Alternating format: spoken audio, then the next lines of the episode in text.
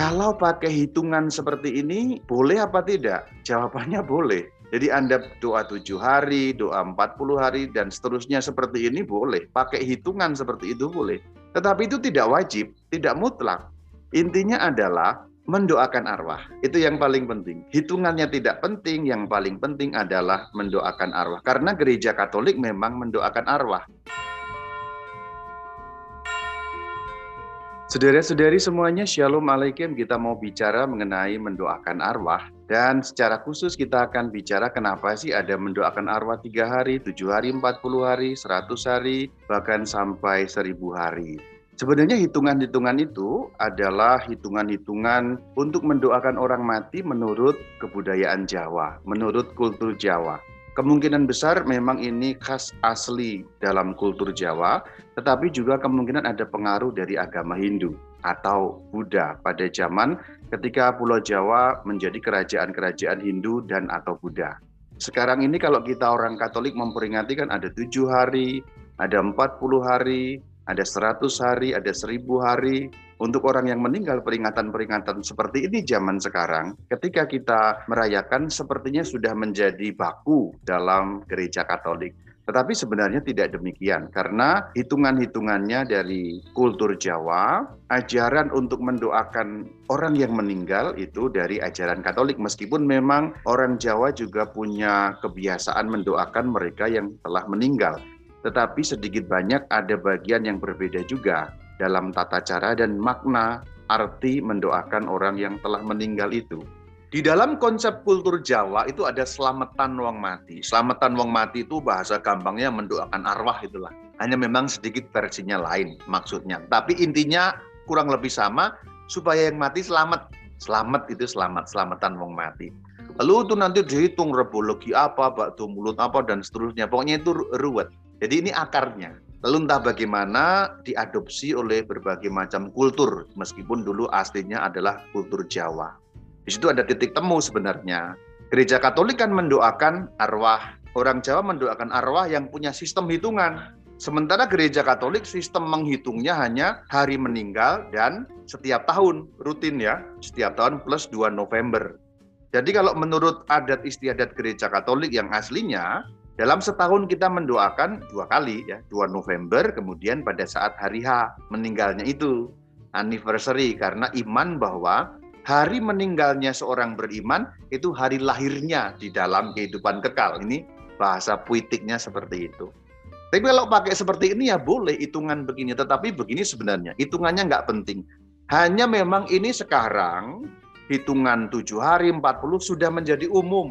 Umum berarti sudah menyebar luas, sudah diadopsi, sudah dipakai oleh banyak orang, bahkan seperti sudah menjadi bagian dari liturgi gitu loh. Sudah seperti itu ya seakan-akan ya.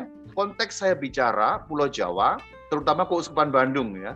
Di Keuskupan Bandung itu malah ada bukunya itu ya, tujuh hari 40 gitu-gitu ada sampai masuk dalam liturgi resmi. Boleh nggak seperti itu? Ya boleh. Karena yang diambil kan hanya angkanya, hitungannya, yang sudah menjadi umum, yang sudah menjadi biasa. Kalau Anda mau bikin sistem yang lain, boleh-boleh saja. Jadi Rama seandainya saya punya sistem sendiri, saya mendoakan kelipatan sembilan, boleh nggak? Boleh saja. Anda peringatan tujuh hari, lalu 49, lalu 70, boleh nggak? Boleh. Anda bikin sistem sendiri boleh-boleh saja.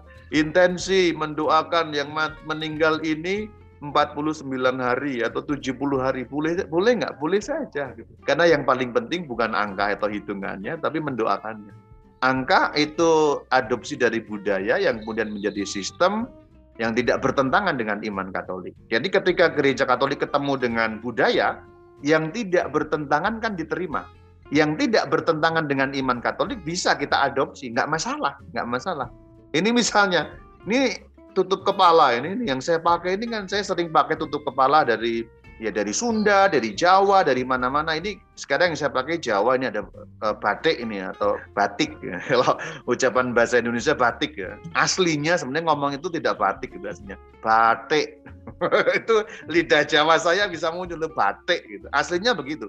Orang kalau kita ngomong sekarang batik-batik ya, batiknya. Ini batik ya, batik ini. Ini Jawa. Bertentangan nggak dengan iman Katolik? Enggak. Maka boleh dipakai, boleh. Nggak masalah gitu. Sesuatu yang nggak bertentangan dengan iman tuh nggak ada soal. Hitungan angka nggak bertentangan dengan iman. Jadi boleh dipakai. Simpelnya begitu pembahasan kita mengenai mendoakan arwah lalu angka-angka hitungan seperti itu. Kesimpulan awalnya begini, angka atau hitungan itu tidak penting. Tiga hari, tujuh hari, empat puluh hari, dan seterusnya itu tidak penting. Karena yang paling penting adalah mendoakan arwahnya. Maksudnya begini, kalau Anda seandainya tidak menggunakan hitungan-hitungan seperti itu, seandainya nggak ada doa tujuh hari, bagaimana Rama? Ya nggak apa-apa. Kalau nggak ada doa 40 hari, bagaimana Rama? Ya nggak apa-apa. Kalau saya ubah, seandainya saya ubah menjadi 30 hari, bagaimana Rama? Ya boleh juga. Karena angka atau hitungannya tidak penting, yang paling penting adalah mendoakan arwahnya.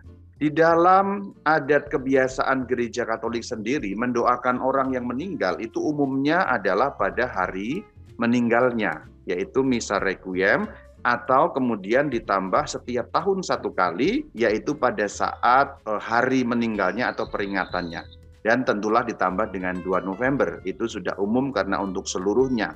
Tapi sebenarnya tidak ada kebiasaan seperti ini kalau kita hanya menganut dari ajaran gereja Katolik saja.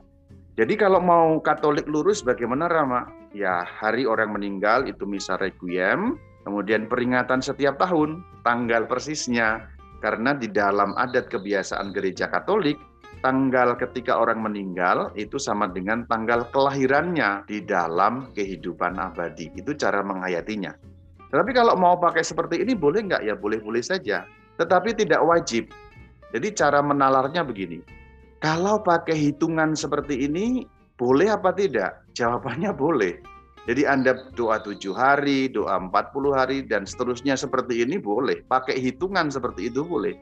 Tetapi itu tidak wajib, tidak mutlak. Intinya adalah mendoakan arwah. Itu yang paling penting. Hitungannya tidak penting, yang paling penting adalah mendoakan arwah. Karena gereja Katolik memang mendoakan arwah. Jadi di sini sebenarnya ada titik temu antara kebudayaan dan iman. Apakah tidak bertentangan Ramak begini? Hitungan waktu itu kan sebenarnya tidak ada pertentangan. Itu hanya cara orang menghitung waktu supaya mengingat. Jadi ada tujuh, ada empat puluh, ada seratus. Meskipun kalau di dalam kultur Jawa memang ada seperti makna-maknanya. Namun ketika kita sudah menjadi Katolik, hal-hal seperti itu tidak lagi menjadi perhatian yang paling penting adalah sebagai pengingat kita untuk mendoakan arwah. Jadi titik temunya ada di doa arwah itu sebenarnya.